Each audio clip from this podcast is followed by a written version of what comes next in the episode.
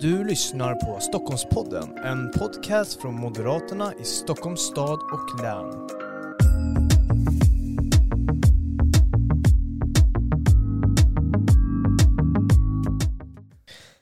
Varmt välkommen till ännu ett avsnitt av Stockholmspodden. Det här är ju vår specialserie som vi gör där vi går igenom våra propositioner, antagna propositioner på vår extra förbundsstämma som vi hade här i oktober. Eh, och eh, det här är ju ett avsnitt av flera där vi pratade om proposition 1 då, då, den stora som innefattar allt från sjukvård till arbetsmarknad till skola och nu idag ska vi prata också det som innefattar skärgården. Eh, och med oss för att göra det har vi förbundsordförande Kjell Jansson. Varmt välkommen. Tack så mycket. Och eh, Kjell, det är väl inte en hel slump att eh, du just ska prata om skärgården, eller hur? Det föll sig så, kanske lite bra, jag vet inte men jag är född i skärgården och bor där fortfarande. Jag har bott där nu 62 år och eh, i 50 generationen skärgårdsbo så jag har ju viss erfarenhet av vad som har hänt där ute under åren. Ja, väldigt stor erfarenhet skulle jag vilja säga, inte bara viss faktiskt. men, men Kjell, jag tänker så här att vi måste ju börja någonstans för att ni nämner ju skärgården väldigt mycket i den här propositionen. När man är ute i länet och pratar med moderater så är det oftast skärgården som kommer på tal.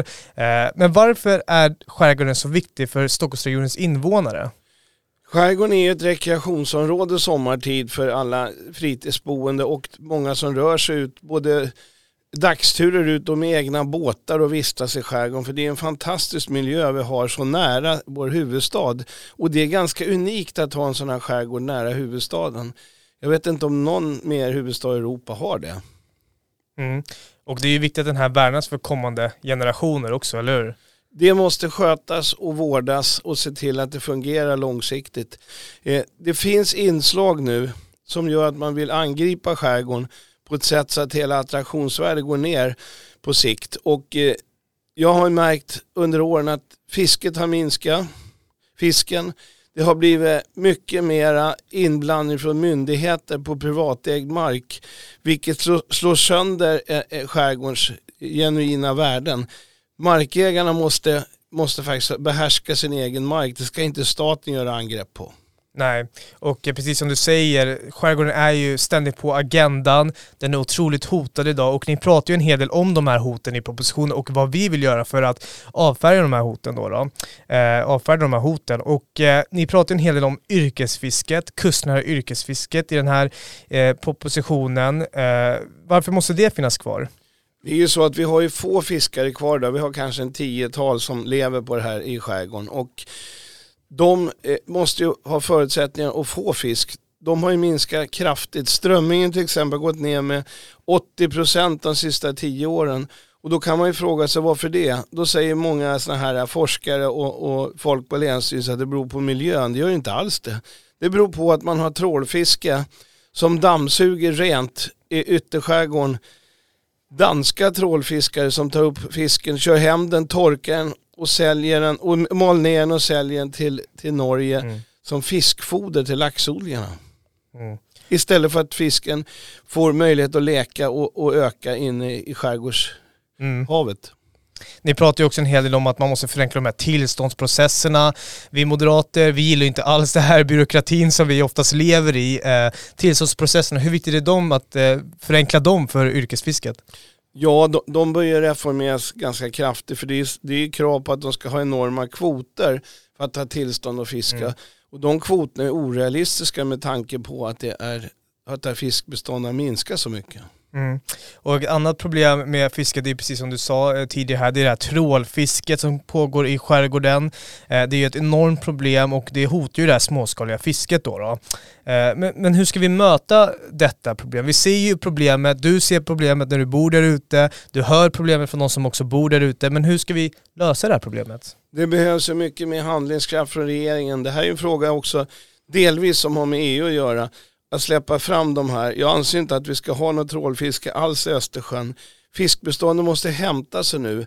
Det har under många år minskat. Nu måste det få en möjlighet att, hämta sig som kan öka på sikt och då måste man ta bort trålfisket. Mm. Och eh, ett förbud mot trålfisket helt enkelt? Ja det är vad jag tycker. Nu har vi ja. gått med på att flytta ut trålgränsen då 12 sjömil och det är väl ett, ett steg i rätt riktning men det bästa vore att ta bort det helt. Mm.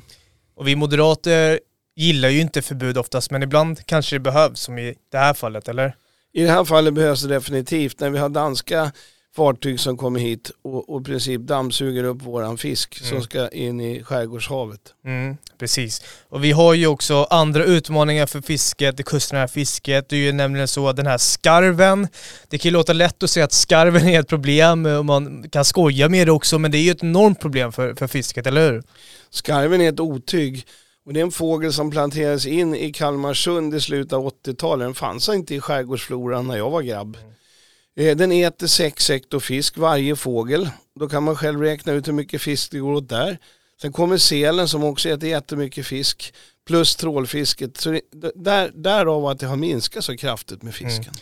Men måste vi utöka jakten liksom på, på skarven och, och sälen? Är, är det det som är lösningen? Ja, alltså när det gäller selen så måste man ha en väldigt organiserad jakt anser jag. För där är det vilda väster som pågår delvis just mm. nu.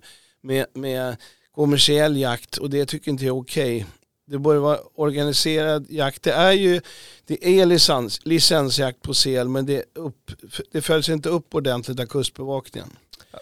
När det gäller eh, skarven borde det vara allmän jakt bara. Mm. Så det finns tydliga hinder idag som egentligen man behöver bara korrigera så Ja, man börjar släppa alltså, allmän jakt på skarven fullt ut och sen bör man ju och så kustbevakningen gör sitt jobb och följer upp det här mm. så, att, så att det här seljakten sköts professionellt. Och inte att man slaktar sel på privata bryggor och så vidare som man gör nu och lämnar kadaver i stränderna på, på, på, hos privata markägare. Nej, Nej precis. Och eh, en annan del som också är eh, farlig för skärgården och eh, den fina naturen som vi har, det är den här nedskräpningen, utsläppen i Östersjön. Skulle du säga att de här problemen inte kommer upp på agendan? Liksom att, ja, men att man inte tänker på dem fast de verkligen finns där rakt framför en? Jag upplever att, att det, det har, eh, i Sverige, vi har ju förbättrat våra utsläpp enormt, framförallt från reningsverken då. Jordbruket är svårare att, att få bort alla utsläpp. Men stora delar av utsläppen kommer ju faktiskt från gamla kommuniststaterna på andra sidan Östersjön. Mm. Eh, och det är vi alldeles för tunna att prata om. Det tystas ner. Man behöver vara tydligare med det här och berätta hur det är på riktigt. Det är gamla kommunistländerna som har förpestat miljön mest i Europa genom tiderna. Den gigantiska miljöförstöringen kommer från kommunistländerna i öst. Mm, mm. Och det här problemet, om man inte tar tur med det, så växer ju det. Så att det är ju verkligen farligt i, i längden också, på, på lång sikt. Det har väl gjorts en hel del på andra sidan också, men jag tycker att det kan göras väsentligt mycket mer istället för att vi slutar köra bil i Sverige så kanske man ska ta tag i miljöproblemen på riktigt. Mm.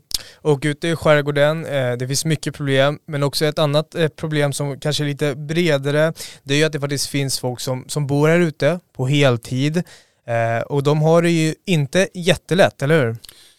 Det är ett tufft liv att bo där ute. Jag brukar säga att det är ju typ många elitmänniskor som bor där som klarar av att, att försörja sig som småföretagare och mm. vara mångsysslare och så. Men det är samma där, alltså det, det är väldigt mycket krångel. Eh, bor du i skärgården då måste du ha en brygga. Mm. Eh, du måste kanske få bygga en sjöbod och ha lite verktyg och grejer i. Och det är nästan omöjligt idag.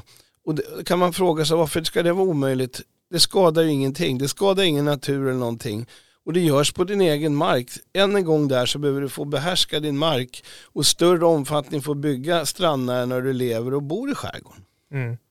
Så strandskyddet är ju en, eh, en eh, farlig del, eller en, en farlig, man måste kalla det förbud då, då för skärgårdsborna. Ja det är väl egentligen största hotet mot att skärgårdsborna får utveckla sin verksamhet ja. och sina marker. Mm. För vi vill ju ha kvar de här kustnära samhällena så att vi vill ju få dem att utveckla sig också och inte stanna av eller flytta därifrån. Eh, det ska ju gå att leva även på skärgården. Absolut, och det gör ju det, men det, det är mycket krångel och hinder och om man nu skärper strandskyddslagen som förslaget är hos regeringen, då kommer det i princip bli ett Skansen i skärgården. Ja. Och inte få bygga någonting.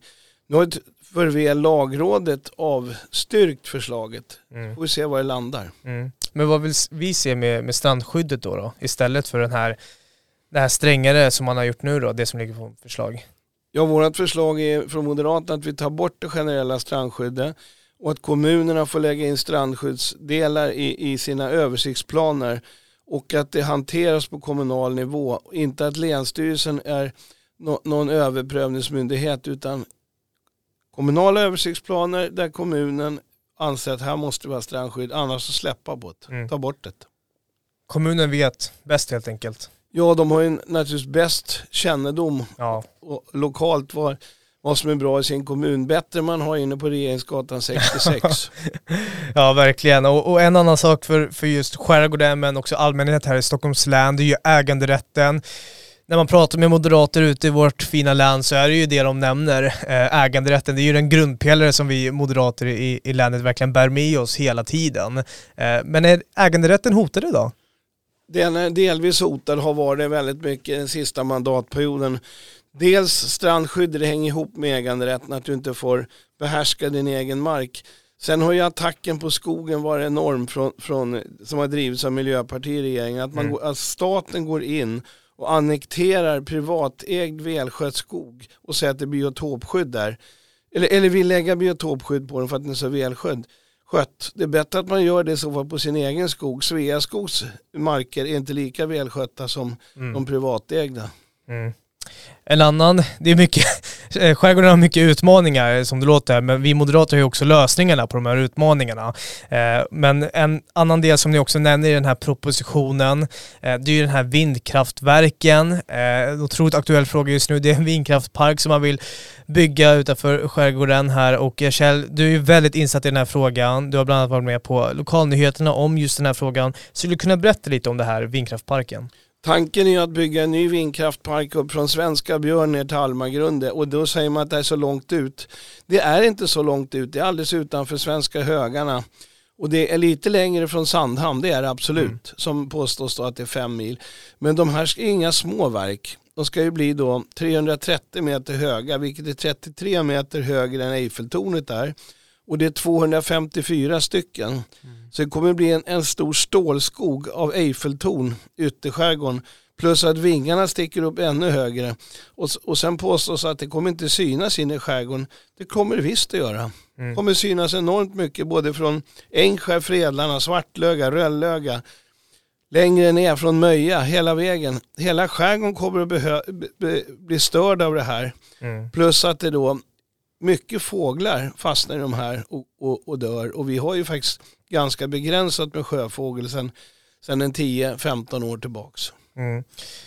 En annan sak just med de här vindkraften, syftet är att man vill producera el men vi vill ju producera på ett helt annat sätt. Idag har vi ju utmaningar med elförsörjningen eh, på grund av den regering som vi har haft nu här i, i sju år som inte förstår det här med, med el verkligen. Eh, men Kjell, jag tänkte bara säga, om vi inte ska ha en vindkraftverk, vad vill vi istället ha för att kunna klara elförsörjningen? Vi behöver bygga ut nya verk i Forsmark. Sen kommer ny teknik med mindre kärnkraftverk som är effektiva som man kan bygga närmare också eh, storstäder och, och så vidare. Eh, och från Forsmark finns det överföringsledningar. Förvisso måste det stärkas upp det nätet men Mm. det finns en gata klar. Man får sätta upp fler ledningar där. Men att bygga dem ute i, i havet eller yt, ytterskärgården Mm. Det innebär att du ska bygga nya överföringsledningar. Det finns inte en, en, en- en enda ledning där utan att den ryssarnas gasledning som ligger ännu längre ut. Mm. Och det kommer vara många miljarder kostnader. Och vem får betala det? Varje hushåll. Det finns prognos att varje hushåll i så fall om man bygger havsvindkraft kommer få en ökad kostnad på nätavgifter med 5-6 tusen i månaden. Mm. Och det här mörkas, det här tar sig inte upp i debatten. Och det här måste upp till ytan nu. Mm.